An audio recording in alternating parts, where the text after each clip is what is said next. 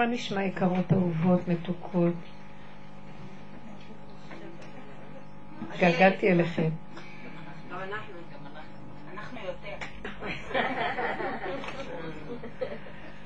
אוי. מה אפשר להגיד?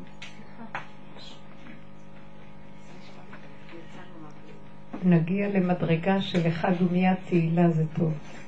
אבל uh, בכל אופן בעולם יש מילים, ועד שנגיע למדרגה הזאת צריכים להשתמש בהם. זה המדרגה של אחד ומיד תהילה.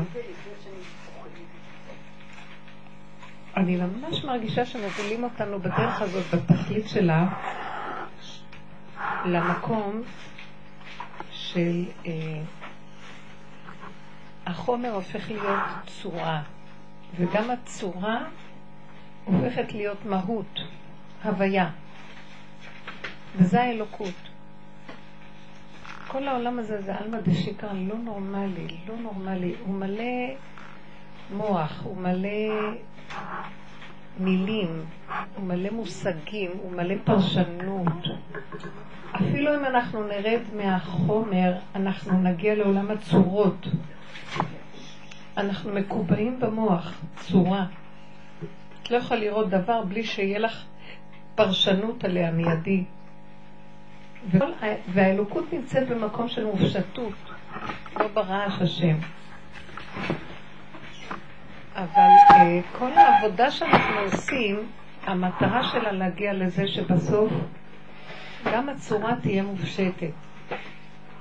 זאת אומרת, נחיה בעולם הצורה, אבל לא נתקבע בו, לא נהיה בו אחוזים ולא נהיה... אה, הוא לא ישפיע עלינו, אלא הוא יהיה מעבר. עולם הצורה הוא מעבר בין החומר לאלוקות. אז הוא יהיה מעבר. אבל אנחנו אפילו לא בעולם הצורות, אנחנו בעולם המחשבות והמילים. המוח משגע אותנו. וכל העבודה שאנחנו עושים, תבינו, זה להתשיש אותו, ולא לתת לו ממשות, ולא להאמין בו. הוא שקרן, הוא רמאי, הוא גנב תמידי. הכל גנוב פה. לא מצאתי, התקשרה אליי, לי, היא לא יכולה לבוא בערב, כי אין לה איך לחזור, אז היא אומרת לי, אני חיפשתי אותך, חלמתי שאת מתה. וואי, ואני בחרדה איומה, ואני רצה, ואני לא צועקת. אמרתי לה, מה את מתרגשת? חלמת לך הכי טוב שיכול להיות בעולם.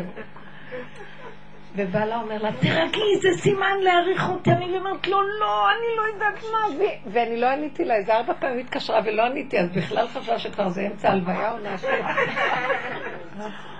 אמרתי לה, חלמת שאני ממש לא יכולה יותר לסבול, אני כאילו, אני מתה לעולם, אני, אין, העולם הזה הוא לא, הוא לא ייגמר. זאת אומרת, הפסיכולוגיה שלו. ככל שאנחנו נותנים לו ממשות, הוא מחזיר לנו את אהבתו בכפליים, ונותן לנו, מחטיף לנו מה שנקרא.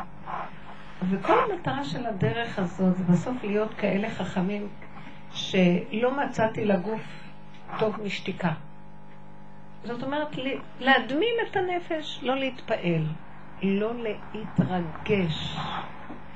זה קל לי לדבר, אבל אנחנו עוברים הרבה, ואני מבינה גם שכל מעגל השנה וכל החגים וכל המצוות שהיהודים מצטווים זה פשוט להתשיש אותנו בגוף, כדי להביא אותנו למקום של ההרפייה והתפשטות הצורה למהות. המהות זה איך שזה ככה. תרגיל הכי גדול שאנחנו עובדים עליו לקראת הסוף זה אין לי כוח לשנות כלום. איך שזה כך בסדר. מי אמר שצריך שיהיה משהו אחר ממה שזה איך שזה? המוח כל הזמן שואף. יש לו מערכת אה, ערכים, ספריית ערכים, והוא משגע אותנו. זה התוכנית של העולם הזה. והדרך הזאת, מטרתה להביא אותנו לרדת מהתוכנית של העולם הזה. אפילו העבודה שאנחנו עושים היא גם גניבה. היא גם גניבה. אנחנו צריכים שכל כדי להגיע לעבודה. וזה גניבה. מה גניבה? שאנחנו עובדים על עצמנו, ושאנחנו רוצים כבר תכלית, ואנחנו רוצים כבר להגיע, ושאנחנו יותר טובים מאחרים, כי יש לנו עבודה ולהם אין. זה גם גניבה. המטרה שנהיה כל כך תשושים, כי כל הזמן אנחנו גונבים והמשטרות רודפות. המוח רודף אחרינו, אפילו העבודה היא כמו המשטרה, היא רודפת אחרינו, אומרת לנו, זה לא נכון, ככה תעשו, ולא ככה, ככה אתם לא... גם זה, זה המטרה רק לעייף. קחו את המילה שאמרתי, המטרה שנהיה תשושים ונרפה. לא רוצה יותר להיות פה, אבל כאן הגאולה. זאת אומרת, אני, אני לא מדברת על פיזי, על המקום, כי אין זמן ואין מקום. אני לא רוצה להיות בפסיכולוגיה של עץ הדת, אני לא רוצה להיות בפסיכולוגיה פה. אם אין לי ברירה, אז אני משחקת אותה ואני מוצאת את עצמי משחקת אותה. כל החגים האלה זה היה משחק אחד גדול. רק כל הזמן העבודה שלי הייתה, אם הייתה לי איזו עבודה, לא להתמרמר מכלום, להשלים ולקבל. איך שזה ככה. זה יבוא, זה לא יבוא, זה כן ילך, כך יאכלו, לא יאכלו, יעשו ככה, יעשו ככה. יעזרו, לא יעזרו, הכל. לא, רק, ולפעול, לעשות פעולות, בלי מחשבות, בלי פרשנויות. כמה ש... זה היה המקום שלי, ואני אגיד לכם את האמת, העבודה שקדמה לפסח, אפילו שהשנה לא היה לי שום משמעות לחמץ ולא כלום, אבל בכל אופן הגוף הוא עמל. אפילו שהמוח שלי היה מנותק, מנוטרל מהכעס, מרירות. אבל התשישות שזה עשה לי עזר לי מאוד, עוד יותר בחג. לסגור את המוח עוד יותר. מרוב תשישות נכנסתי לתוך הגוף. לתוך הגוף עברתי את מחסום החומר. והסכמתי. הסכמתי, ואמרתי, כל פעם אמרתי לעצמי, מה, מה לי ולא? מה לי ולה? מה לי ולעניין הזה? מה קשור אליי פה? העיקר בתוך תוכי יש שקט, שלווה מתיקות זה הכל. אני רוצה להגיד לכם, זה מה שעטף אותי כל החג. הרגשתי ממש הוויה עוטפת אותי, מתיקות. היא סידרה לי הכל. היא סידרה מי שיבוא ויבוא, ומי יהיה עם מי, ואיך יהיה אחדות. היא סידרה את הכל. אני לא, אין לי יותר לעשות שום דבר. הכל השם עושה. כל העבודה שאנחנו עושים זה כדי להתיש. עשינו שנים כדי להתיש את המוח, להתיש את החשיבה, להתיש את המנגנון. להתיש את הרגש. כמה רגש יש בעבודה הזאת? סערה. חצינו ממש ים סוער. אנשים בורחים מעבודת הנפש. כי הם צריכים להתמודד עם סערות לא נורמליות. אין להם כוח. הם מרחפים, בורחים. עדיף להם לקחת סמים, לא יודעת מה, לברוח, לעוף. העיקר לא לעבור. ואנחנו, הכריחו אותנו להיכנס בתוך הנפש. ירד ממדרגת הרוח למדרגת הנפש. וחייבים לעבור את המהלכים של הנפש. זה היה קריאה נוראית, אבל על מנת להתיש. וכשאת עוברת את ה... כאילו חצו ים, עברו מעבר היבוק, מעבר ים סוף. מה שאני רואה שהתכלית היא להיות גולם שקט, רגוע, שלא אכפת לו. לא צריך להיות אכפת לו פה כלום, זה לא קשור אליו פה כלום. אם אכפת לי, משהו, כלשהו, זה הקר. אתמול לקחו אותי שלוש בנות שהיו בירושלים, שהן באות לאחד השיעורים שלי, אז הם, הם באו בבוקר לשיעור בירושלים, ואמרו לי שאם אני, רוצ, אני רוצה הסעה לבני ברק, הם ייקחו אותי. לקחו אותי. ואז באוטו התפתח ויכוח על החייל הזה ש... שירה, שעוד לא נגמר הסיפור שלו. וזאת אומרת, לא, כאילו זו יש לה דעה שמאלנית, והיא תקפה אותה, וזה ענתה לה. ואני, ואני ישבתי וכאילו, נו, הם, ש, כאילו, אני הרבנית שנוסעת איתה, מה?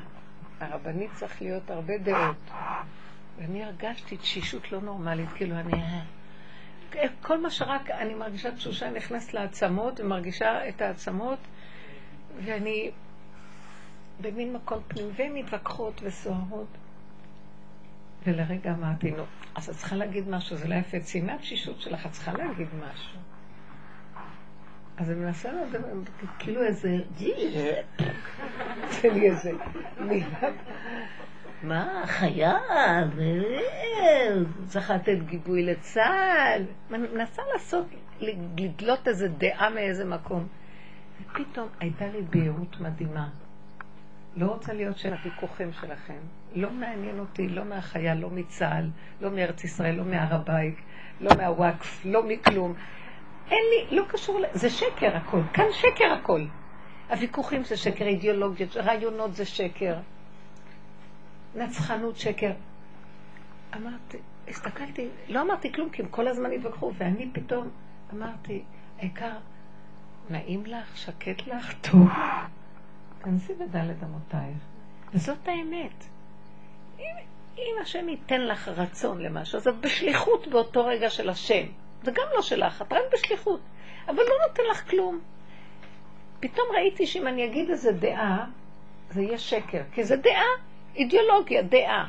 רבים על דעות, הורגים אחד את השני על דעות. אז אמרתי, לא שייך לי, אני לא רוצה להגיד דעות, זה שקר. אחיזות, ארץ ישראל שלנו. אס לי כבר מהרעיונות האלה. זה דמיון. איפה אני ואיפה, מה זה ארץ ישראל? אני לא יודעת כלום, אני יודעת שזה הנשימה. ואני בתוך הנפש מרגישה כמו ילד תינוק שרוצה רק שיעניקו אותו ויהיה לו טעים הרגע. תינוק אכפת לו בכלל? מה אכפת לו? אכפת לו שיהיה לו טעים ונעים. והרגשתי שאנחנו צריכים לרדת עד האמת הפשוטה הזאת, ולא להיגנב כי כל דבר גונב. כל הוויכוח היה גנוב, והיו שם הייתה אחת שדיברה כל כך יפה, פטריוטית, רצינית, ארץ ישראל, הכל, אבל זיהיתי דעות. יפה, מאוד יפה, אבל זה לא האמת. זה לא האמת. נתנו לנו תורה, תורה שייכת לבורא עולם, שהוא יגיד לנו, הוא ייתן לנו רשות, אנחנו הולכים בשליחות השם. יהושע קיבל שליחות להיכנס לארץ ישראל. אז הוא ציווה לכהנים להרים את ארון ברית השם ולסובב את חומת יריחו. כל החומות נפלו. בכלל, זה, לא- הוא לא היה במטרה לכבוש את ארץ ישראל, הוא היה במטרה לעשות את רצון השם. הוא היה במטרה לעשות, הוא כלי, הוא כיסא שהשם יושב עליו. והשם משתמש בו כשליח לרצון האלוקי. ברגע שאנחנו תופסים והולכים לאיבוד מזה, מהרעיון הזה, ותופסים את הכל שזה שלנו, שם התחיל החורבן. העמים התחילו לשלוט בהם, בנחש ההמוני, באו פלישתים, באו עמלקים, מה לא היה פה? בלאגן. אחר כך התחילו הגלויות, יוון, רומא. כי הפכנו את זה לשלנו. זה לא שלנו, זה שלו. ואנחנו צריכים להישאר כלי שלו. ארץ ישראל היא כלי של השם. היא ארץ של השם. אין לה מעצמה כלום. וגם היושבים בה צריכים להיות כלים ששייכים לבורא עולם. הם הבנים של השם, ישראל קודשה ברכו אורייט אחד. והישות הזאת של המוח של עץ הדת שגונב כל הזמן, זה יוצר את המלחמות, זה יוצר את הכאבים, זה יוצר... אז כל העבודה שלנו, כל הזמן יש לנו כאבי נפש, בעבודת הנפש. כי אנחנו יותר מדי עושים את הכל שלנו. זה האבחון שהכי ראיתי. הבעל שלי, אז יש לי כאבים ממנו. הילדים שלי, והכלות שלי, והחגים שלי, והתורה שלי. אז כל היום אנחנו במצוקות. אין לי כוח. התכלית של האמת, שהשם ברא את האדם לענג אותו מבריאתו. השם ברא את האדם, הוא ברא לו בריאה, וברא אותו כאדם להתענג בגן עדן שהוא ברא בו. שם אותו בגן עדן להתענג. תראו מה קרה לנו. אני רוצה לחזור למהלך הזה. הגאולה זה לחזור לשם. אנשים מתחתנים וסובלים, יולדים ילדים וסובלים, הולכים לעבודות וסובלים, הכל סבל. זה לא צריך להיות ככה. גם העבודה הזאת היא הרבה סבל, על מנת שנגיע למקום שנבין שזה לא ייגמר הסבל. זה לא ייגמר. מה גורם לכל... ההתבוננות המתמדת שלנו יוצרת את ההכרה. אני יורדת גם מעבודת הנפש. ירדתי. נגמר. נגמרה העבודה של רב אושר גם כן. היא עבודה תחנה לקראת המקום הזה. אני אמרתי, מישהי, אמרתי את זה בש... באחד השיעורים, ורבי ינקלה שמע את זה, קרא לי אחד מהתלמידים הוותיקים. אז הוא שאל את הבת הזאת שאמרה לו, רבנית פישר אמרה שנגמרה עבודה של רב אושר. אז הוא אמר, ככה היא אמרה? אז אחרי רגע הוא אמר, היא יודעת מה היא אומרת, נגמרה העבודה של רב אושר. הוא בעצמו מאוד uh, קשור וקרוב. מה זאת אומרת שאני יודעת? אני לא יודעת מה אני אומרת. יש תחושה עמוקה שנגמר המאמץ והסבל. והעבודה שלנו עכשיו היא להרפות. איפה שאני רואה שיש לי סבל, אני אומרת לעצמי, תעשי עבודה? לא. תרפי וזהו. איך שזה ככה, שיהיה ככה. מה זה קשור אליי? מה דעתכם? יש לך עוד כוח לריב? יש לכם כוח להתאמץ? הפסח הזה אני ראיתי, אני לא יכולתי לחשוב שאני אתאמץ על איזה מצווה בכלל. לא רוצה מצוות. אז הוא כפה עליי מצוות? אני עושה בלי מאמץ. יהיה חמץ, זה לא קשור אליי. אני עושה מה שאני... בלי מאמץ. מה שכיף לי, עשיתי. לא הרגשתי את המאמץ כי היה לי כיף. מה שלא היה לי כיף, וזה כאילו המצווה, לא מוכנה. לא מוכנה. וראיתי איך שהכל נעשה, כולל החמץ, כולל כל מישהו עשה דרכי את הכל. כי שמרתי על העיקרון שזה לא יהפך להיות ציוד. וככה כל המהלך. צריכים להתאבד על השמחה ועל התענוג. אנחנו צריכות להתאבד שיהיה לנו רגיעות ומתיקות. ולא להישאב לשום, לא לפתות את הנפש לשום דבר של עבודה. כי עשינו כל כך הרבה, אני מדברת על אלה שעשו כבר. והאמת שאפילו עם אלה שבאו מחדשות לבקרים, הם כבר יכולים להיכנס בעבור אלה שעשו כבר הרבה עבודה. אנשים אין להם כוח. אני רואה את הדור הצעיר אפוי לחלוטין. אין לו כוח ואין לו חשק ולא מוכן להתאמץ. רוצה שהכל יעשו לו. אולי תדליקו קצת מזגן, נראה לי שקצת חם. נמוך, אבל שיהיה קצת... ותסגרי את הדלת.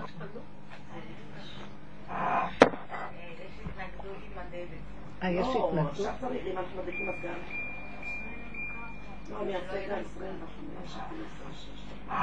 אני רוצה שנתייחס על הנקודה הזאת. העבודה שלנו היא זאת עכשיו.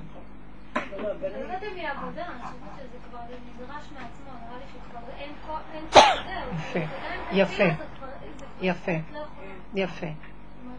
ברגע שתששים הכוחות, השם יכול להתגלות, כי הכוחות מפריעים לו להתגלות.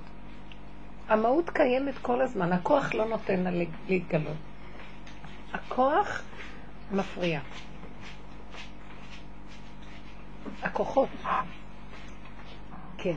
את זוכרת שאת סיפרת שהיה אני זוכרת את הסיפור הזה, שהיה דבר כזה של להזמין את הילדים ולקחת את הדירה ממולי ולתת להם לישון.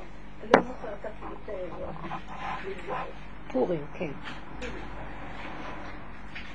אני אותו דבר, אותו מהלך, עברתי לפני חג הפסח. וזה לא היה בשליטה.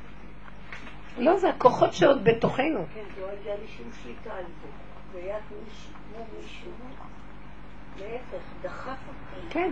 כל אה, הכוחות שהיו לי פעם, כאילו חזרתי לבראשית, כאילו לא הייתי בשיעורים, כאילו לא, לא עשיתי שום עבודה, לא הבנתי כלום. אני הייתי אותה ורדה טבע. לפני 16 כן. שנים, עם 18 שנים. אותו טבע, אותו כוח, אותה הישגיות, אותה דקדקנות. למה את חושבת שהוא. עשה לך את זה? הוא התיש אותי. הוא עשה כדי, הוא עבר על כולנו מכבש. כמה שיותר אומר, תוציאו, תוציאו, זה זמן שעכשיו, כמה שיותר מוציאים, עוברים עליו יותר, מגהצים. זאת אומרת, אני הרגשתי להפך, התשה, ממש מלחמת התשה הייתה לי. זאת אומרת, זה לא שיכולתי לבוא ולהגיד שיכולתי מעצמי לסגור את המוח, לא יכולתי כלום. בסדר. זה היה כמו מבול, כמו כן. שהיה לך. כן, שדחף עם כל היצרים כן. הכל החוצה. כך שאני באמת הרגשתי ש... אבל זה לא היה... חוזרת לבראשית. לא, לא, זה לא היה אותו דבר. את לא חוזרת לבראשית. הכוחות שעוד נשארו, כאילו הוא אומר מאחורים והסדקים, זה החמץ שמחפשים בחורים והסדקים, תוציאו אותם, כי עכשיו שורפים את החמץ. אז הוא כאילו, אתם יודעים שהולכים לשרוף חמץ, מביאים את הכי חמץ, כל החמץ שיש, של השכנים. ערימות חמץ, תביאו את הכל כי זה זמן טוב, הבערה, הביאור הזה, זמן הביאור. אז זה הזמן, בגלל זה הוא מוציא לנו את כל הכוחות כדי לכלות אותם. אבל אנחנו מדברים על התכלית של עכשיו אחרי זה הכיליון. ברור שאנחנו יכולים עוד בעולם הזה להקים אותם, אבל בואו ננצל את המצב הזה להתחלק מהכוחנות. אבל הרבנית ביום האחרון, בערב פתיחה, ממש ערב אחר ביום האחרון, מפריע לי שהדלת פתוחה ועוברים אנשים. עמדנו לנסוע לבן מחוץ לעיר. בקיצור, נכנסתי למקלחת להתקלח, ואני רואה מהתקרה נוזלים מים. פשוט מעיין. בבית שלך. בבית שלי. כן.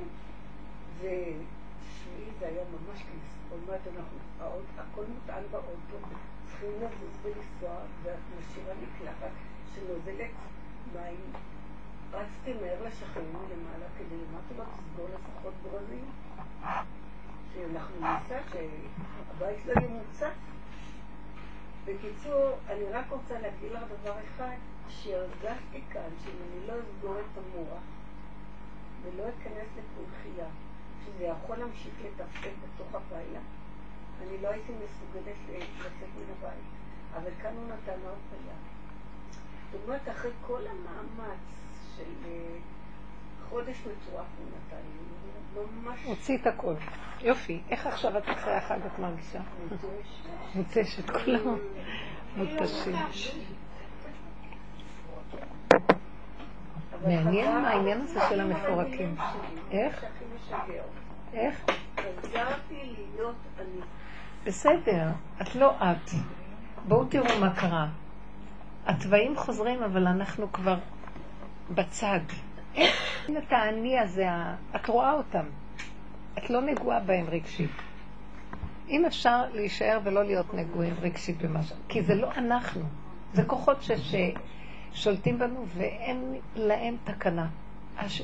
מה שעשינו, התשנו וכאילו המהות יצאה החוצה, ברחה מהם. ואין לאן לברוח, אבל מה? כבר, אני יודעת, הנקודה היא שכבר זה לא הרגש. הרגש הזה לא להשתייך, לא להתרגש. זאת העבודה העיקרית עכשיו. לא להתרגש, להסכים לרפיון, להסכים לתשישות ולוותר על הכוח הזה וההתגברות. כמה שאפשר. ואם אי אפשר, אז מבקשים מהשם שירחם ועושים פעולה. כאילו, אפילו אם אנחנו עושים עם איזה... הפעולה, הכוח הוא לא שלנו כבר, זה של השם. זה המקום של החוויה הזאת של השקט הנפשי. זה דבר מאוד מאוד חשוב. כי עכשיו יותר קל להיכנס יותר פנימה ולעזוב קצת את העולם. ומה זה העולם שלנו? זה הילדים והרעש שלהם. זה כל המערכות שלנו מסביב. יותר להיכנס פנימה ולא לשים לב. אני ראיתי בחג, היו כולם בבית. אבל כל הזמן נכנסתי פנימה ונתתי לעצמי, התכנסתי לשקט. אפילו שהיה רעש. אני כאילו הרגשתי שאין לי כוח להילחם איתו, אני לא יכולה למנוע אותו, הוא לא בשליטתי בכלל, כי אין לי שליטה על כלום, אבל מה יש לי כן? לחוש כמה אני תשושה, להסכים לתשישות ולהישאב אליה פנימה. ועשיתי פעולות כרגיל. עשיתי המון פעולות, אבל הייתי שקטה. המוח שלי לא כעס עליהם, לא נתן להם אה, כאילו תוויות, מרירות, טענות, טענות ומשמעות. וזה דבר שראיתי, כאילו, מה קשור אליי פה כלום? זה חצי גאולה, באמת. זה גם הביא רגיעות, זה הביא רגיעות. פתאום התחילו, התחילו איזה ויכוח או משהו, הרגשתי, מה קשור אלייך? פעם הייתי משתתפת ורוצה לקרב. מה את רוצה לקרב? אין לזה סוף. בשביל מה לקרב בכלל? השם, ישבתי ככה באיזה שקט ואמרתי לעצמי, השם יקרב.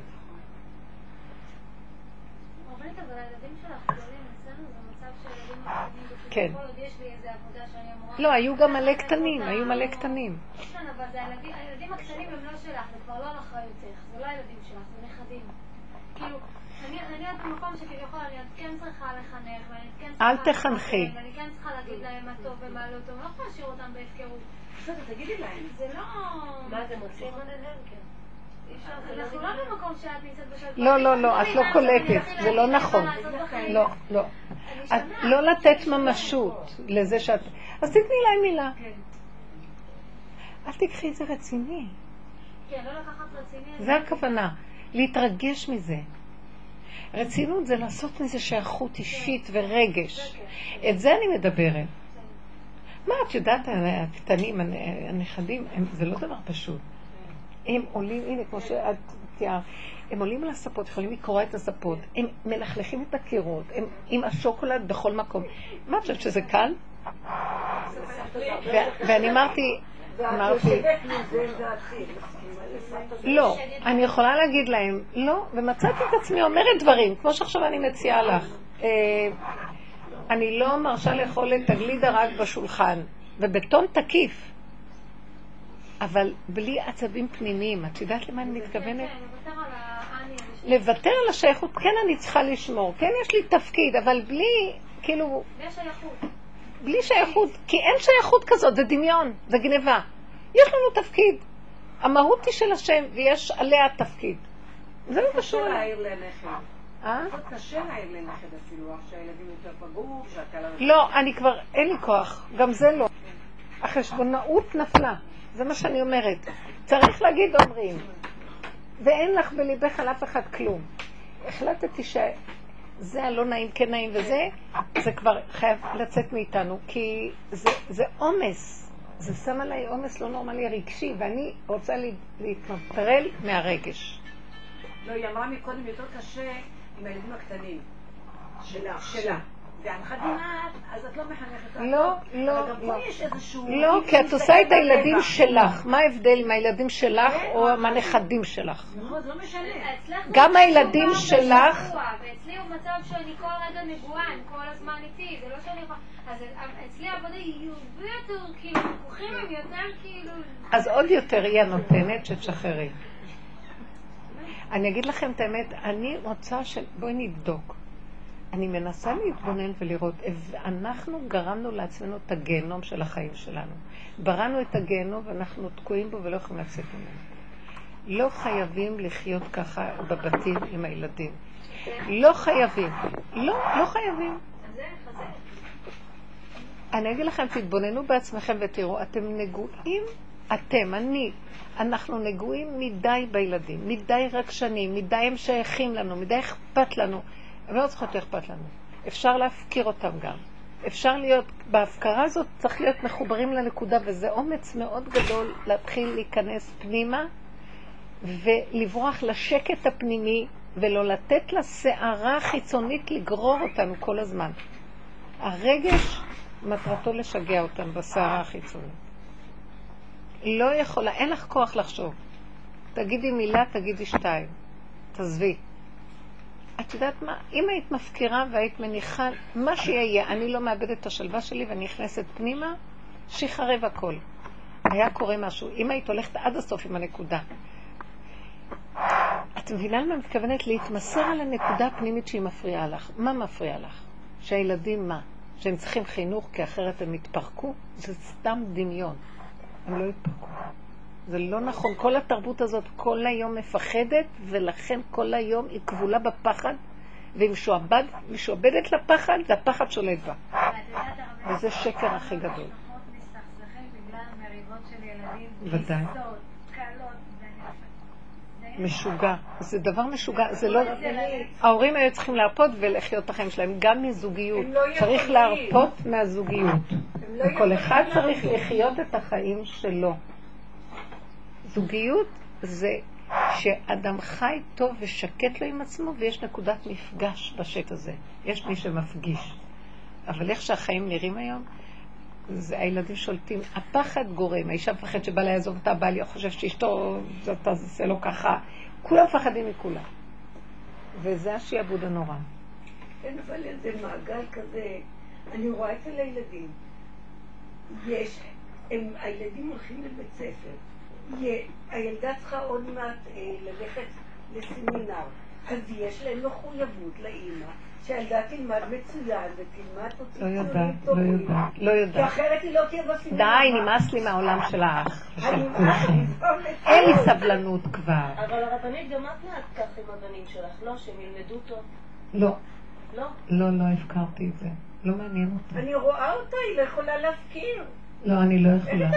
לא, מה אכפת לך ממנה? את, את, ורדה, את בעבודה. מה אכפת לך מכל העולם? העולם משוגע, אל תשתגעו איתם. שילכו לסמינרים וידפקו את הראש שלהם וישתחוו למורות וייתנו שוחדים ויתחנפו, שיעשו מה שהם עושים שימותו כולם, שאני אחיה, לא מעניין אותי, נהייתי אכזרית. לא לא לשים... כי אנשים מתאבדים על כלום מטומטמים, הם מאבדים את החיים שלהם במוחש. שילכו, שילכו.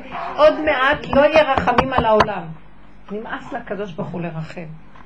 אם לא הצדיקים שמבקשים רחמים, אין רחמים כבר. כי יש לנו אכזריות על השכינה שלנו. לא אז השכינה צועקת. ואנחנו לא מקשיבים. להשתחוות למישהו אחר עם איזו דעה פסולה ולשחוט את השכינה שבי, אין כפרה על הדבר הזה. אנחנו נידונים על זה. תפסיקו, תקדישו תשומת לב השכינה שלכם. היא תחיה לכם את הילדים, את הבית, היא תצליח אתכם בכל. לא אכפת לי, לא אכפת לי, לא מעניין אותי, לא מעניין אותי. אני רוצה לחיות את החיים שלי, נולדתי לחיות את החיים שלי. כל הגלות הזאת זה התוכנית הזאת היהודית, ללדת, להתחתן, ללדת, למות עליהם, הכל. אני אגיד לכם את האמת, אני עברתי את זה, וגם בתוך החיים שהיו לי, שהם היו ילדים קטנים, השם עזר לי שלא התאבדתי על הכיוון שלהם. הוא לא נתן לי. הוא הקים אותי מהם, הוא היה זורק אותי מהם. והם גדלו הכי טוב שבעולם. עכשיו שהיה לי תקופה שכאילו הייתי נגועה בזמן לחתן אותם, אז העולם של הלחתן בעולם החרדי זה, זה בפני עצמו, זה מזעזע. הייתי כאילו חייבת להיכנס בו. אני אגיד לכם את האמת, חטפתי ממנו כל כך הרבה מכות מהבורא עולם, עד שלמדתי, תרפי, תעזבי. ועוד כאשר אני בטבעי, כשהם היו קטנים הרפאתי מהם, אבל החתונות, לא יודעת מה היה, עוד פעם נכנסתי, זה כל פעם גלים, זה הסמינרים, תקופות הקבלה למסגרות, תקופות הלחתן, תקופות הזה, תקופות ה... זה לא נגמר, אני אגיד לכם, אני רואה, אז זה מתחתן. לא, הרבנית, את ראית שלקראת הברית האחרונה את הגעת אל הקצה. הגעתי, אני עוד עברתי את זה עד אז, עברתי מוות. וממה היה המוות? לצאת אני אגיד לכם, לא, תקשיבו, ממה היה המוות? זה לא היה בגלל שעזרתי בכסף, זה לא קשור.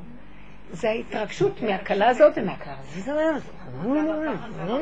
ההתרגשות הרגה אותי, והוא העלה לי את כל ההתרגשות, וחשבתי שעברתי מוות. אמרתי, אני לא צוללת יותר לדרום. דרום, זה היה בדרום. לא יכולתי לסבול, אבל אני אגיד לכם את האמת, בגלל שהביאו אותי לקצה, בגלל שהביאו אותך לקצה, זה כאילו, הוא אומר לי, הוא עומד עם סכין שחיטה ואומר, את רוצה למות או לחיות? אני אשחוט אותך, היא רוצה להתאבד על, על הרגש, אני אשחוט אותך. טוב, טוב, טוב, טוב, לא אמות כי אחיה. עזוב, עזוב אותך מכולם, תעזוב מהילדים, מכולם. אני רוצה לחיות. צריך להתאבד על החיים, את לא מבינה החיים הנכונים? המערכות לא ייתנו לנו, בתי הספר לא ייתנו, המשפח... הכל לא ייתן, אפילו התורה של הגלות לא תיתן. אני מוותרת גם על הגלות ועל התורה שלה. אני רוצה תורת אמת. אני רוצה את הגילוי של השם בתורה. לא רוצה. לא רוצה. וכל הדורות, אני כל השנים אומרת לעצמי, אמוי אנוכי בצרה, יוש... אה, אה, בתוך עמי אנוכי יושבת. אני יושבת בתוך עמי ואני לא עוזבת, אבל אנחנו נתאבד על האמת ועל הגאולה הפרטית ונביא אותה לעם הזה סוף סוף. רק ככה נביא אותה. למה שארץ ישראל יהיה אכפת לנו ממנה, היא הרגה אותנו? ולמה שהר הבית יהרוג עכשיו עוד? ולמה שכל המציאות הזאת תמשיך להרוג אותנו והילדים והחינוך הזה? לא מתאבדת על כלום, שיתאבדו כולם ויאכלו את הזנב בתוך הראש שלהם. לא מעניין אותי. ראיתי איך הם מפתים אותי כל הזמן שיהיה אכפת לי. הרגו אותי. יצאתי בשן ועין מהעולם. אני מתחננת לפניך בורא עולם. תעטוף אותי בענני הכבוד שלך ותשמור עליי. אל תיתן לי להתפתות לעולם, הוא מפתה.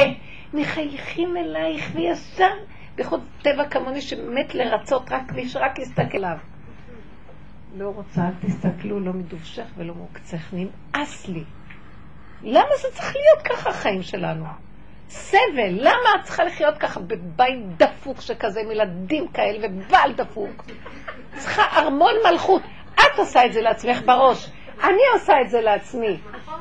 כי הגלות, ומשפחתיות היא גלותית. ושימי לב, כל העולם, איזה עולם ענק, כל מה שיש לך בראש שלך זה ילדים שלך והבן שלך וילדים שלך, ואין לך אפשרויות אחרות. את יודעת איזה אפשרויות יש בעולם? יכולת להיות מיליונרית. מלכות, בלי כסף, מיליונרית, נפש של שמחה, של חיות, בבית יפה עם גינה, ויכול להיות לך הכל טוב. אנחנו מחריבים את החיים שלנו במו ידינו. המוח שלנו לא מסוגל לחשוב ישועה. אתם לא מבינים? כי הוא כלוא במסכנות ובמרירות ובגדלות. אז הוא נותן לנו, טוב, אנחנו שולטים, על מה את שולטת? על המטבח שלך. יש לך מלכות על המטבח. יאללה, תוותרי על כל המלכות הזאת, אני לא רוצה לשלוט על כלום. כי הוא נותן לנו פיתיונות איך להישאר בעולם, שליטה פה, קצת כאן, זה, כבוד, לא כבוד, לא שליטה, לא פרסום, לא כלום. תן לי לחיות, לנשום, לחיות חיים של חירות פנימיים. מאס לי? הרג אותנו. בעצם הוא לא הרג אותנו, הוא מראה לנו כמה אנחנו במו ידינו הרגנו את עצמנו. התודעה הזאת של הגות. אני לא מבינה למה אנשים צריכים להתחתן. זה סבל, מה שהם עוברים. את יודעת מה? להתחתן זה יפה, להינשא זה אלוקות.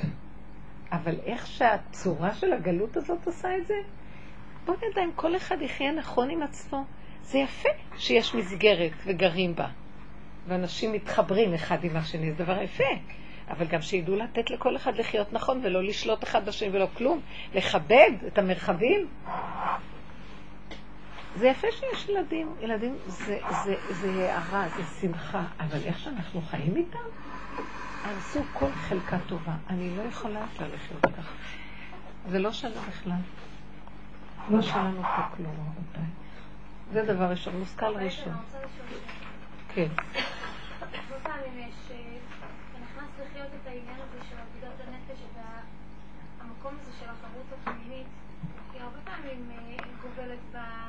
בזה שאת מדברת עליי. כאילו, זה כאילו לצאת מהעולם, ולפעמים כמעט לגמרי. וזה נראה לי... רגע, רגע, לא דיברתי לרדת מהעולם, כי אין לנו עולם אחר, רק פה. דיברתי לרדת מפסיכולוגיית העולם. תדייקי. זה הרגש, זה הפרשנות, זה המדוזתיות של האחיזה. כבר, אתה לא ככה, כן. את לא בורחת מהבית, את בורחת מהתגובה. לא רוצה להגיב. לא בא לי, לא רוצה, כן. תלכי בצורה בוטה עם הילדים. כל היום הם מנצלים עלו. הנה, הנה, הנה, הנה. הם לא אכפת להם, הם אכזרים ואנוכים ורק רוצים לעצמם. סליחה שאני אני אומרת לך. ואנחנו בסדר, כי הם מנצלים אותנו. למה? כי המערכות פתוחות, כל דכפין יתה ויגנוב ויגזול ויכה ויתיש ויאכל אותי. ואנחנו נותנים את זה, אז בואי תגני, תגני על הנקודות. כנסי פנימה, לא חייב, לא חייבת. אז uh, היה ויכוח, הילד הקטן מתעורר בלילה, אני שומעת את האבא שלו, אומר, אומר לו, אז הוא, הוא בוכה, הוא בוכה, הוא בוכה, אז האבא אומר לו, האמא שמה אותמי אוזניים והולכת לישון. אז האבא מתעורר. אז הוא אומר לו, מה אתה רוצה? אבא, אני מפחד, אני שומע קולות. ככה נניח היה שתיים בלילה, או שלוש, הולכים לשם מאוחר בחגים. אז, אה, אז הוא אומר לו, אין, אין שם אף אחד, אין כלום, אין כלום. אז הוא אומר לו, אבל אני מפחד, אולי יש מישהו... אז הוא אומר לו, ילד בן שלוש. אז האבא אומר לו, תגיד לי, פתאום הוא קם, הוא קופץ, הוא אומר, תגיד לי, והם זוג מאוד מעניין, צ'למרים כאלה, ירושלמים, אין להם סבלנות לילדים והם אמיתיים איתם. אבל אה, אז, אז הוא אומר, תגיד לי, מה, ההיא שמה טמא אוזניים, יש לה תינוק שנולד לפני שלושה חודשים, היא שמה טמא אוזניים, לא מעניין אותה. הטמא אוזניים, אה? בת מלך, בטבע שלה. אז והיה לה קשה להניק, אומרת, אני לא מניקה, זהו, בקבוק וזהו, אז עכשיו הוא יקום. כי הוא קם בלילה ללמוד, אז ככה, זה כנראה סידור טוב ביניהם. הקיצר, אז האבא קם, הוא אומר, תגיד לי, מה אתה חושב, שאין לי חיים? גם לי יש חיים, אני רוצה לישון עכשיו. כמו ילד קטן מדבר איתו, וההוא... אז ההוא, אז ההוא התחיל לבכות אחרי רגע, אז הוא אומר לו, אתה צריך להבין שלילה זה לשינה ולא להעיר אותי. אז, אה, ואז הוא אומר לו, אתה מבין שגם לי יש חיים? הוא חוזר על זה כמה פעמים. ואז הילד, תשמעו מה, אני שומעת שקט, ואחרי זה הוא אומר לו, אבא, אין לי מה לענות לך יותר. אז אין לי מה לענות לך. כאילו, אתה צודק, אין לי מה לענות לך, איזה חמוד. וכך הוא הלך לישון. ואז אני ראיתי שהתגובות האלה, כי אני, אני עם הזוג הזה, אני ממש ראיתי שהם בטבע, הם, הם, הם קרובים לדרך כי הם בקצה שלהם. בטבעם אין להם סבלנות, וזה מאוד עוזר. שימו לב, אין להם סבלנות לכלום. סליחה, תאכל, נתתי אוכל, תגיד תודה. אתה צריך לישון, לישון. אין להם סבלנות. והילדים, אז, מבינה איך הוא אמר לו, מה, תגיד לי, אתה לא חושב שאני צריך לישון? אין לי מה לענות לך, אבא. בן שלוש, חמוד כזה. ואז אמרתי לעצמי, ככה אנחנו צריכים להיות. אנחנו, גם אנחנו חיים, מה זאת אומרת? קודם כל אני, אני צריך לישון עכשיו. מה אתה חושב לך, שבא לך פחדים, אני אסדר לך את הפחדים שלך? מה זה קשור אליי? סדר אתה עם עצמך. אמת ירושלמית, יש חינוך כזה, והירושלמים הם כאלה. יש לי שאלה, הבן שלי, בן 22, החליט לעשן נרגילה. אז זה התחיל בפעם מה קרה? שיעשן נרגילה, מה יש? מה רע בנרגילה? בחורי ישיבות מעשנים נרגילה. אני הייתי עכשיו בשבת שבע ברכות, בשבת הגדול, ובחורים שם שבאו מהישיבה לשמח את הבחור, הביאו שלוש נרגילות וישנו נרגילה. התחיל לעשן כל יום, כאילו הוא לא מפספס. מה יש בנרגילה? אני לא כל כך מבינה. זה זה יותר רעיל מסיגריות. זה יותר רעיל? מה אכפת לך שיהיה לו, שיהיה מורעל? אני לא מבינה את הכל. מה אכפת לך? תגידי, את אוכלת זה, והוא עומד ואומר, אמא, זה יזיק לך, זה שומן טרנס ענייני. מה אכפת לנו כבר? די. בן לא 22. להתייחס, לא... את יכולה להגיד, את יכולה להגיד, זה מה שאמרתי, תגידי. לא, הוא אמר לו, אתה עם הנרגילה לא מעשן יותר אז מה הוא עושה? לוקח את הנרגילה, יוצא החוצה, הולך לשבת בגינה. אז שישן, תגיד, תגבילי אותו פעמיים בבית. שהוא בגינה, ממה שיהיה בפעם. טוב, תראו, אני אגיד לכם את האמת, זהו, אני אגיד לכם, אנחנו אכפת לנו ממנו. תראו מה קרה, החיים שלנו הפכו להיות שיש לך סיפוק מזה שיש לך בן ואת צריכה לחנך אותו במקום שיהיה לך קשר עם המהות שלך, וזה יהיה הסיפוק השמחה האמיתית. אתם מבינים? זה מה שעשו לנו, יש לנו סיפוק מהכבוד, סיפוק מהפרסום, סיפוק מה... בשביל מה? מה אכפת לך? מה אכפת? כי זה נזק לגוף שלו, זה כבר לא... תגידי, הגוף שלו שייך לך? הוא ירגיש שזה מזיק לו, הוא יפסיק. יש דברים יותר מזיקים. לנסוע באוטו זה יותר מזיק, מפחיד.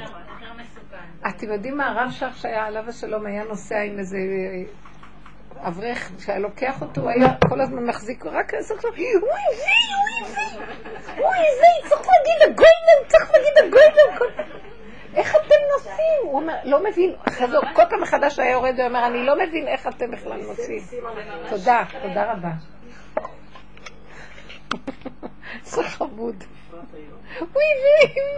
הוא היה רואה את הכביש רץ מהר והיה נבהל מזה. זה, תחשבו רגע, אנחנו רגילים. זה פיקוח נפש החיים פה. מה התעוררת לנרגילה? זה עוד אה, נחשב...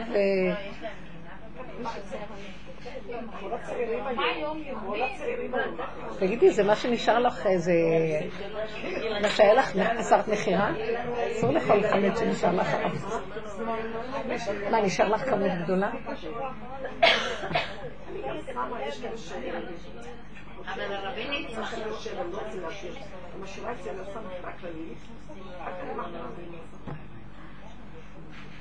נו, כן.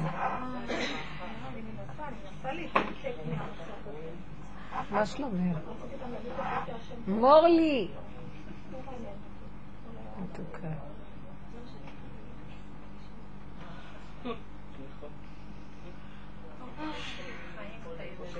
אה? חיים את הרגע? חיים את. אם לא, לא הייתי יכולה להחזיק מעמד. המחשבות יכולות לטמטם את הבן אדם, ואין מהם כלום, סתם. לא שלנו פה כלום וזהו. לא שלנו ככה, כלום.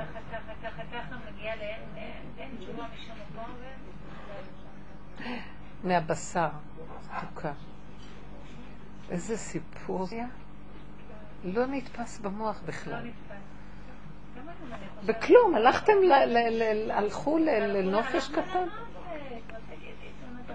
לא הלכנו. נתפס. והיא טבעה 60 סנטימטר מהמצילה.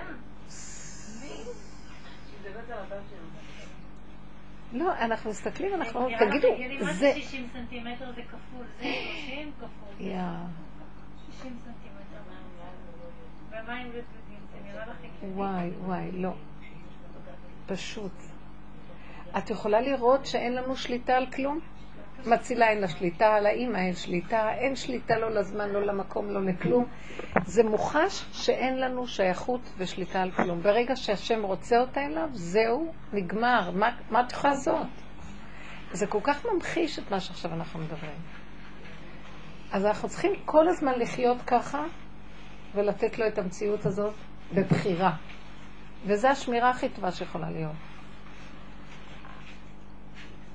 כי אין לי, יכול, אין לי יכולת, אין לי יכולת להכיל. כל היום אני אומרת, אבא, אין לי יכולת להכיל את העולם פה, אין לי. אני נהייתי יותר ויותר קטנה, המוח שלי התקטן, והתקטן והתקטן, הדמיון הולך ונופל, ופתאום אני רואה כמה אני קטנה מול תמים דעות, מול עולם מדהים, אי אפשר להכיל את העול הזה ואת המופלאות שלו, את הקומבינות האינסופיות שלו, ואי אפשר להכיל את החוכמה של העלילה הזאת, גדול העצה והעליליה, ואני יצור חסר תושייה, קטן, נברא, חסר ביותר, איך אני יכולה לעמוד מול זה בכלל?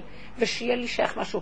והתרבות שלנו, של עץ הדת, עושה בדיוק הפוך. אני הגדול ואני הכל ואני מכיל הכל ושלי הכל והכל והכל והכל. זה עמלק, בדיוק זה עמלק. וכל זה אינו שווה לי, ועוד יש לי טענות. בדיוק הפוך על הפוך. והעבודה הזאת מביאה אותנו התשה אחר התשה אחר התשה. כמה עבודה עשינו. ובהתחלה לתומך את חושבת שאת עוד הולכת להגיע לאיזה מדרגה? איזה? נגמרו המדרגות ולא הגעת לאף מקום. את מתדרדרת לאיזה בור ואת לא יודעת אפילו לאן. את לא יודעת לאן. אז כל מה שנשאר הוא רק פשוט הכנעה, התמעטות. תפילה של תחנונים ולך דומיה תהילה. תשמור עליי, תעטוף אותי. העולם שלך אני לא מציאות.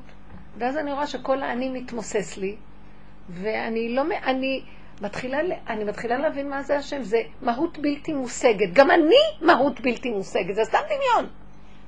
זה סתם דמיון שאני אומר לי, אני, אני, אני, אני, ומלביש על עצמו כל מיני. כל התרבות הזאת עם כל המהלכים שלה היא שקר, היא גנבה מזעזעת. והאמת שבסוף רק לצחוק. צחוק אחד גדול. אין לך לאן לברוח, אבל לפחות תדעי שזו הצגה לא נורמלית, ותצחקי.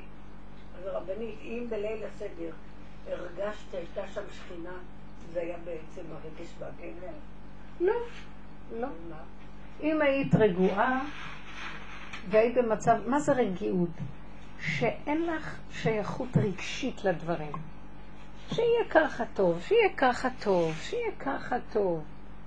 מזגו לי, אני שותה את הכוס הראשונה יין ואחר כך מיץ ענבים, אין לי כוח. אבל זה שישב לידי, אחד הילדים, התעקש כל, לא יודעת, שהוא היה בגילופים לשבת לו, יין, והיין חזק. ואז הוא שם את זה, ואז אני אומרת לו, טוב. בסוף אני אומרת לעצמי, גם אין לי שליטה על זה. ואני לא יודעת איך השם החזיק אותי שלא הסתחררתי או משהו. כי הסכמתי, הסכמתי, לא היה לי כוח לשום שינוי. תעשה זה, לא תעשה ככה, ככה זה לא טוב, ככה זה טוב. טוב, אם כבר מזגו אז שיהיה, ואם זה ככה, שיהיה ככה, וככה, ככה. זה לא היה מהותי בכלל. כלום לא היה מהותי ומשמעותי. וזה זה בחינה של חירות. בייחוד בלילה הזה של ליל הסדר, שדור מאוד גלו, ובאמת אין אצלנו זמן ומקום בעבודה הזאת. זה רגע אחד שבליל הסדר יורד אור כזה, ואני חושבת שאם אנחנו תופסים את הרגע הזה ומשכפלים אותו בנפש, שלא אכפת לך מכלום, כי. מאוד מאוד, תמיד כותבים בעבודות המוסר שבליל הסדר שאדם לא יכעס על כלום ולא יקפיד על שום דבר. אבל זה כל הזמן להיות ככה. אז כל הזמן האור הזה יורד.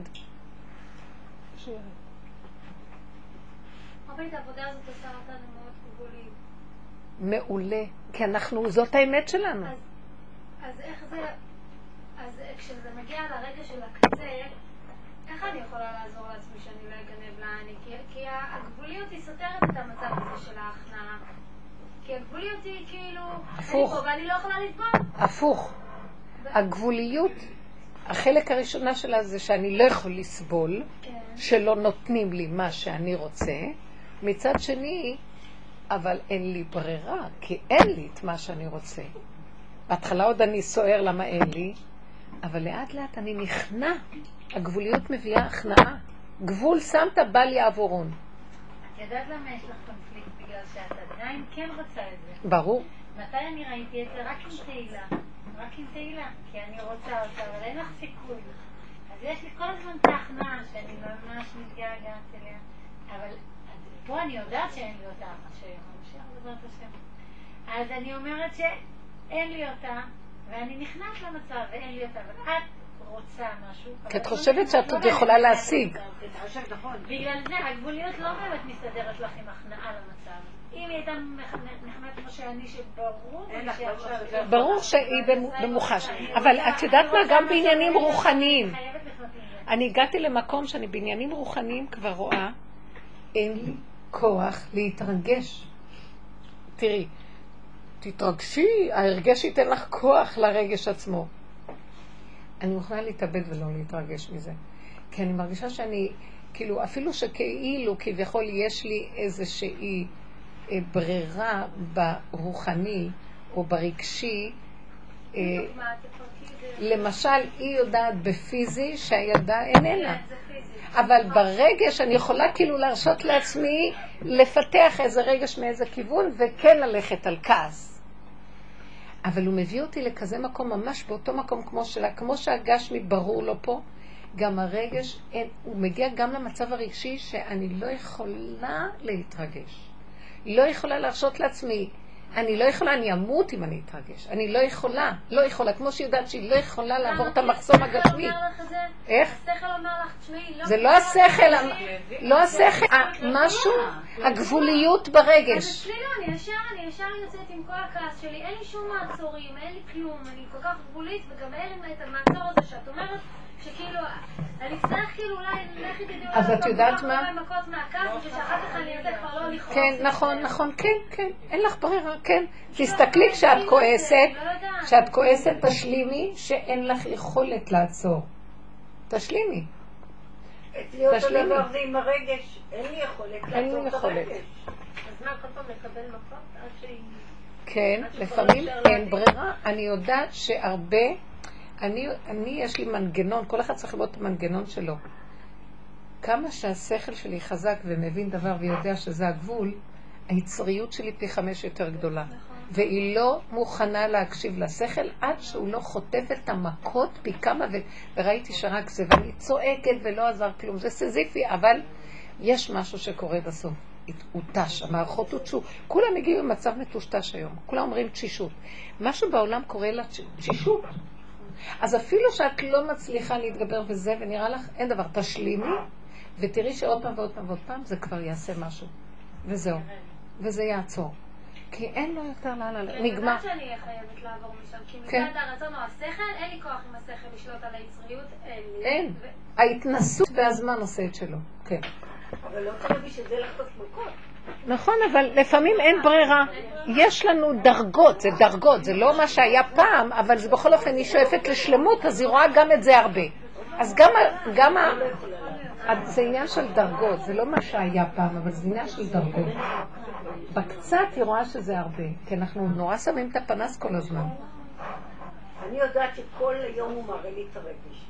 כל היום, כל היום אני רואה את הרגש. אה, זה, זה הסוף שלו, כי הרגש הזה זה השקר הכי גדול שיש. זה כשהתגרשו מגן עדן, התלבש עליהם רגש. הרגש זה היסודי של הכל, זה הפחד. כל הזמן אנחנו נשלטים על ידי הפחד. פחד שיקרה לנו, פחד שלא יהיה לנו, פחד שיעזבו אותנו, פחד שלא יאהבו אותנו, פחד, פחד, פחד. ברגע שהם התגורשו מגן עדן, נכנס רגש הפחד.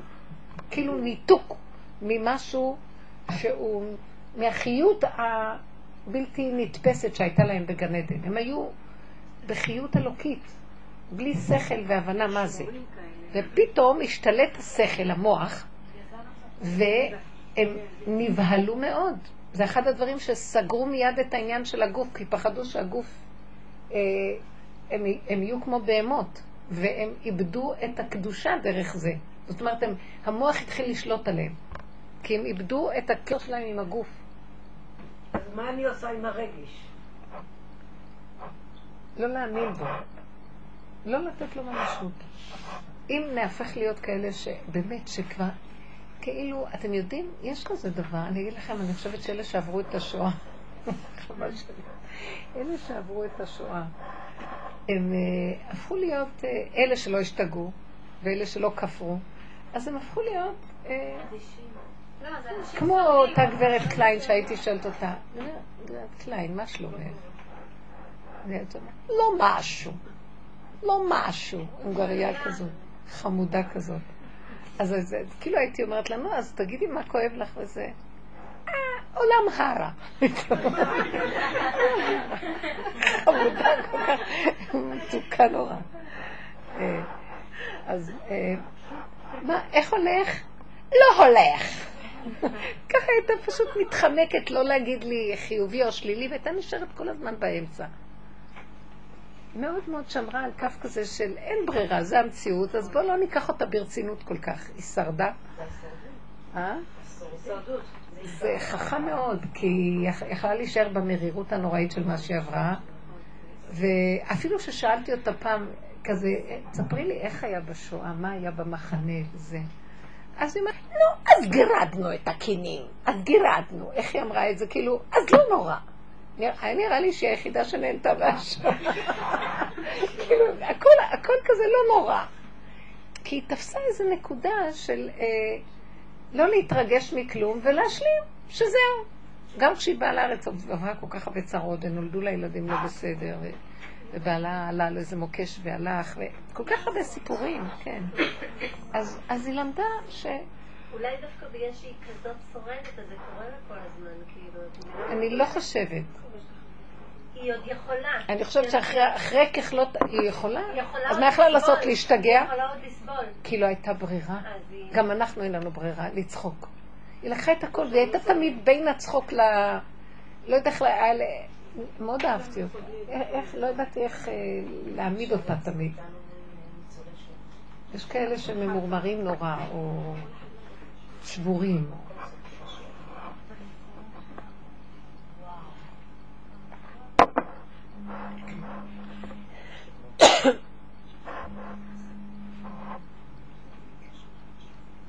הרגש הוא, הוא סבל הכי גדול והוא לא הכרחי בכלל. אבל הוא קיים, כי חטאנו בעץ הדעת ויש לנו את הצד הזה של הרגש. הרגש האמיתי הנכון היחידי הוא רק בבית אלוקים נהלך ברגש. השם נותן לנו את הרגש המיוחד לכל דבר. הוא נותן את זה בקטן וגם לוקח את זה כשזה נגמר, ולא שלנו פה כלום. אבל שימו לב, יש לך איזו תפילה הזאת, יואו, איזה תפילה הייתה לי, ואיך את מושכת את זה, וזה גניבה על גניבה. בכלל לא. אצל רב אוש- רב אושר היו מתפללים, מה אני אגיד לך? היו תקופות שהם הולכים להתפלל בכותל חבורה, ומישהו שם היה, שהיה הולך איתם, ועמד, כאילו מישהו מהצד שהכיר את החבורה, אמר לי פעם, היית צריכה לראות אותם מתפללים, טיפת רגש לא היה בזה. עשו מה שצריך, גמרו והלכו. כלום, לא הייתה טיפה של אה, איזה להסתכל אחורה, קדימה, להשקיף, אה, גניבה. אין גניבה, כלום. טק, נקודתית, נקודתית, שייכות לדבר, נקודה, נגמר, שלום. עם הילדים כמה גניבה יש? מה שייך לנו? אני ראיתי שאני... אני אומרת לכם, עם, עם הזמן, כשהם היו קטנים מאוד ככה עבדתי, ודווקא כשהם גדלו, לא יודעת, נכנסתי לאיזה פלונטר עם זה, כי לחתן אותם צריך קצת יותר להיכנס לאיזה, כי את, את שייכת כבר, זה לא רק את והם, זה עכשיו את שייכת לעוד גורם נוסף חיצוני שאת צריכה להתחשב בו. זה מאוד קשה, זה משפחתיות, זה משא ומתן, זה רגש, זה כלות חדשות בבית, בנות, אוכלוסייה חדשה נכנסת לך לבית, מתחת לאף, מה, מה, את לא הכרת אותם קודם בכלל, זה לא פשוט. אז קצת הרגשתי שאני הולכת לאיבוד, אלמלא הדרך שכל הזמן החזירה אותי בלי רגש. אז אני מגיעה למקום שעכשיו אני פשוט אומרת, אין לי, לא מעניין אותי מי שהוא התחתן כבר, האחרון שנשאר, לא אכפת לי. אבל. בכל זאת את צריכה לתת כסף וזה, זה מנתק אותך מהרגש? גם העניין של הכסף, אני אומרת לה, אני רואה עם הכסף זאת עבודה ממש, שהיא גם כן שייכת לרגש. אין באמת במוחש כסף והוא לא שייך לנו אף פעם. אז מה אכפת לי, ובהתחלה היה לי איזה משא ומתן על משהו, וראיתי שזה לא השתווינו, אז אמרתי, אז לא צריך. ואחרי כמה זמן אמרתי לעצמי, לא. את נתת ממשות יתר לצד הכספי. תשחררי ואל תתני ממשות לכלום. זאת אומרת, שחררי את הכסף בקלות. כן, כן. זאת אומרת, תקבלי על עצמך מה שאין לך. כאילו, אין לך, כאילו, תשחררי. למה בדבר אחר את תקחי על עצמך ו- ו- ובדבר זה את אומרת לא? תשחררי את זה, תשחררי. הכל, אנחנו עושים את עצמנו עניים. הכל שלו. ואם את אומרת לו. נצרך לזה ככה, נצרך לזה ככה. אני אעשה את התיקון ואין בזה מה שלא עשיתי. אני רוצה להגיד לך שהלכתי ככה, עם איזה עניין, שאמרתי לעצמי, כי אני- שומעת את הדיבורים האלה בשיעורים, אמרתי לעצמי, די, נמאס לי כאילו, אני כל הזמן, ראיתי באיזה מחושבנת. יותר כן. מדי מחושבן, יותר מדי יותר מדי. עניין לא טוב, אנשים לא טובים, די, מספיק, הכל בצמצום. אמרתי, די, אני זורקת, זורקת, ואתה תסדר את העולם שלך, אי אפשר לחיות ככה יותר, זה לא צורה. ובתקופה האחרונה, המשכנתה חזרה, זה חזר, הזה חזר, ההוא חזר, אני אומרת לעצמי, הנה רציתי לעשות פתח כדי שתוכל להיכנס, ולמה אני במצב הזה עוד פעם? כאילו, רציתי לא לקחת ריזיקו, לא רציתי לא לחיות עם הצמצום במוח, שכאילו אתה לא יכול לתת לי עוד, ו... והנה, אתה לא יכול לתת לי עוד, למה? לא, כשזה נהיה גרוע אז הוא ייתן לך עוד. הכי גרוע שיש. אל תיבהלי מהגריעות שנהיה. את רק צריכה להגיד לו, אני לא יכולה, זה שלך, לא שלי. אני לא יכולה, אני תקועה בתוך גיהנום שיצרתי לי. כל המשכנתאות האלה מזעזעות. תבין לי שלקחתי משכנתה מה זה קטנות, אבל זה לא משכנתה הוצאה, זה זה, זה היום-יום.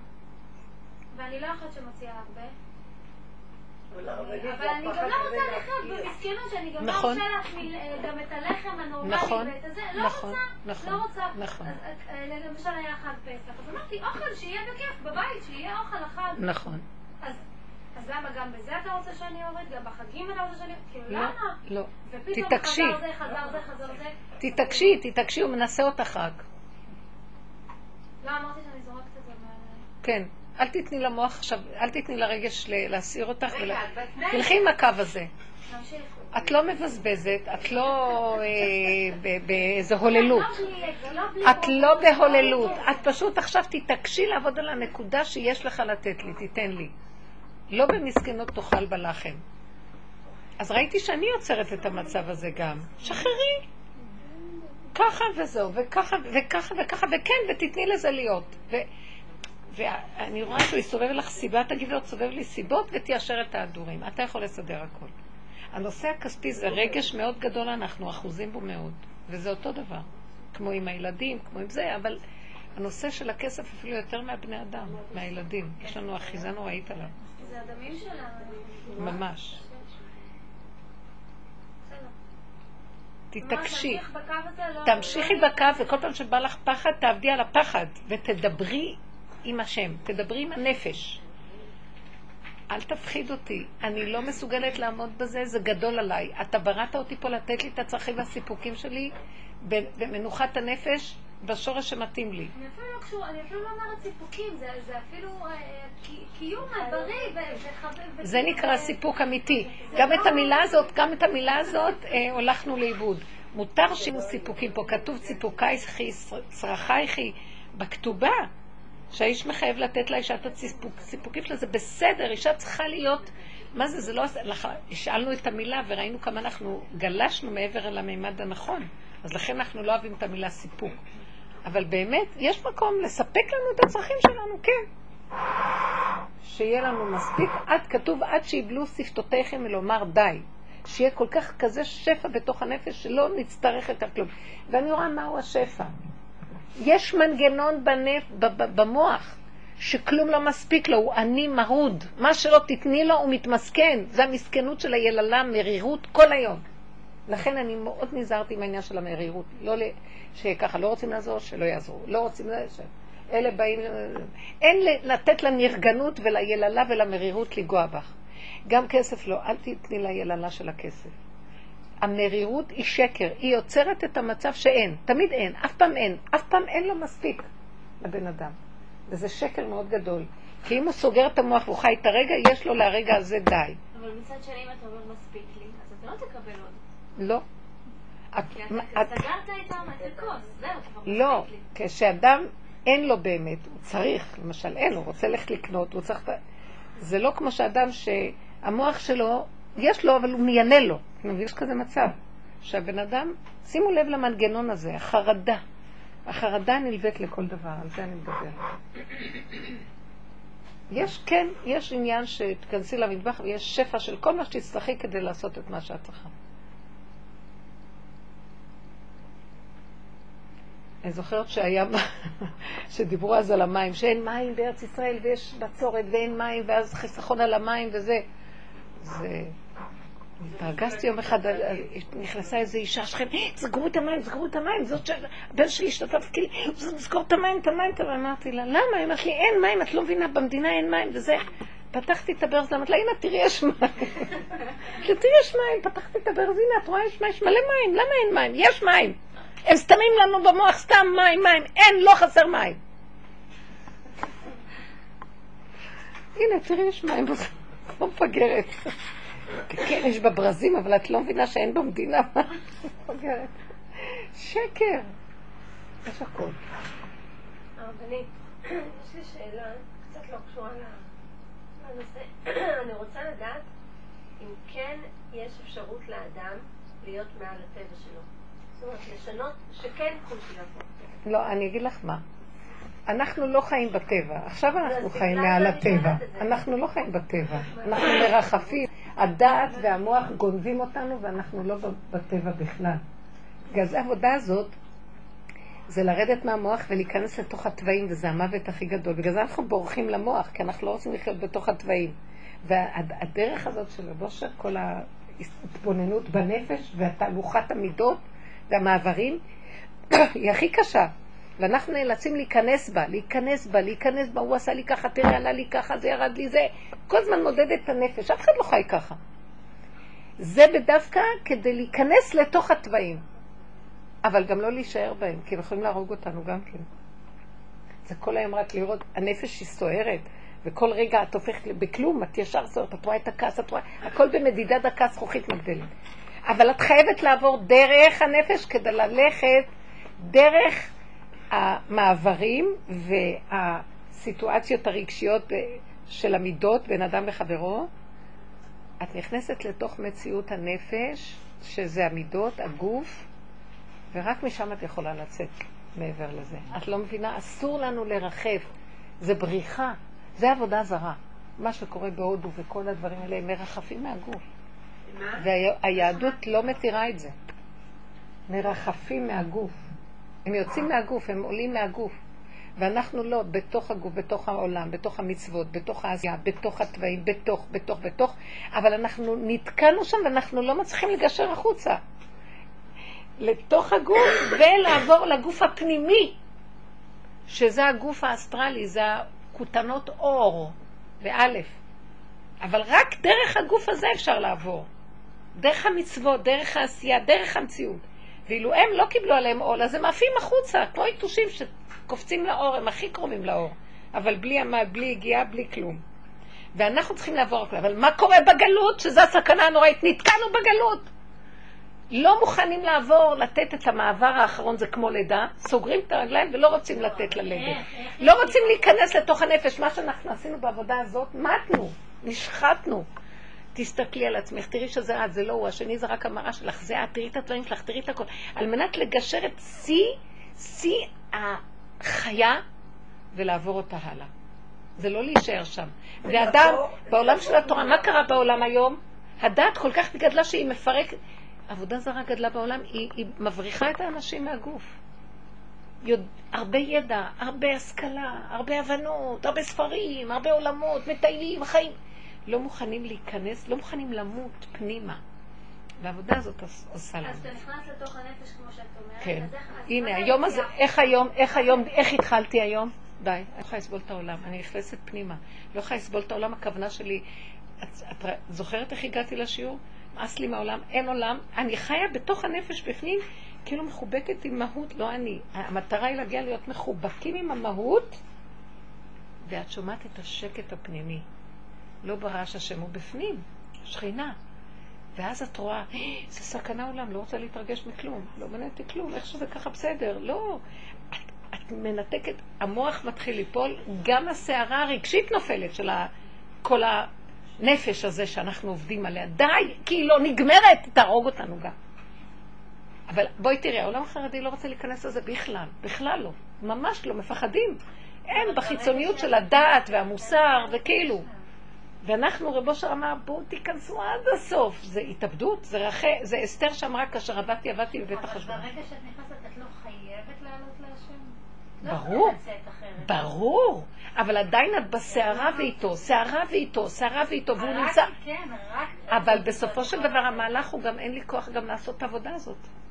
בסוף אני אומרת לו, גם העבודה נגמרה, אין לי כוח לסערה, אין לי כוח, אני רוצה לא לעלות אליך, אני רוצה שאתה תהיה בתוכי איתי. לאן אני עולה? אין עלייה ואין ירידה, אתה איתי כאן. אני נושמת, אתה נושם דרכי. אין יותר מה לעלות. אתה איתי כאן. זה המהלך האחרון. כל פעם שבא לי איזה משהו שעושה לי, אני אומרת, לא, לא, לא, לא, לא, פנימה, פנימה. אין מוח, אין מושגים, אין לחשוב, לחוות את הגוף ולדבר אליו בדרגת גוף. תעטוף אותי, תחבק אותי, תהיה איתי. אני לא מסוגלת לסבול את הסערה של העולם. העולם הורג אותנו, גם המצוות. לא מסוגלת את סערת המצוות. פסח לא צריך להיות הסערה שלי. די, מגשרים את הסערה כי אנחנו, איך שאומרים, לקטה בכפליים, אכלנו אותה. אלה שנכנסים בעבודה הזאת לוקחים פי כמה מכל העולם. אנשים לא רוצים להיכנס בעבודה הזאת. כמה שאת אומרת נעלה להשם, נעלה להשם, אבל זה גם קשה, העבודה הזאת היא מאוד עבודה קשה. לעלות להשם לא אבל ברגע שאת נכנסת לעבודה, את חייבת לעלות להשם, אחרת את לא תצאי. אי אפשר להיכנס ולצאת. זה לא לצאת. אין לצאת. להיכנס עד שגם המעבר כבר נגמר, הרגש נופל, הנפש איננה, וי אבדה נפש, אין נפש. ומתגלה היחידה, מהות שכינה. הרבנית, הנפש היא מעבר, היא, היא עוד מדרגה לעבור למדרגת היחידה. אני- היא לעלות אל השם, זה עדיין, אני כבר... זה לא לעלות. אה, אין לי בכלל- להעלות. אני להעלות. כבר לא רואה את השמיים ולא רואה את השם שם. אין אין יותר אין גם לי שמיים. השם. כן. את יודעת מה זה לא. שהדלקתי נרות לעילוי נשמה, ולא היה לי אפילו חשק להגיד אה, איסקו. את יודעת מה? נגמרה גם מה זה? אין לי אותו למעלה בכלל. נכון. הכל בפנים, הכל בפנים. זה לי הגלות, אותו. הגלות זה... כי ו- אין לי משהו חשי להחזיר את צודקת, האמת שגם תורת הגלות, שזה בשמיים ותפילות והכל, כתוב, ביום ההוא אסתר אסתיר, ננעלים גם השמיים. כל הסגנון הזה הולך ונגמר. ואז יש את המעבר, שזה עולם הנפש. אז האדם נשאר בעולם, והמעברים, והצעקה, והמעברים והצעקה. אז זה גם מתיש. אז את גם את זה מגשרת. שתיקה. לך דומיה תהילה. אין כבר כוח אפילו לצעוק. את לא מתרגשת מהמעברים. לא מוכנה כלום. איך שזה ככה, בסדר גמור. שיהיה ככה. ולא רק שיהיה ככה, את נכנסת למקום, המהות מתרחבת בפנים, ומה שאת אומרת יהיה. אני לא, אני אומרת לו, אני צריכה שיהיה לי שפע כזה, יהיה לך. אז כי אין את המוח של הספק, שיגיד כן, תגידי עד מחר. כי אין לך אפשרות אחרת. כי את כבר בגבוליות שאי אפשר אחרת. את לא יכולה לסבול את הכוח המנגד של, ה... של האין והתחנונים והבקשות ועוד פעם ועוד כלום. תגידי ויהיה. זה איפה שמה שרבנו אמר, אנא כן רפא נא לה. למרים.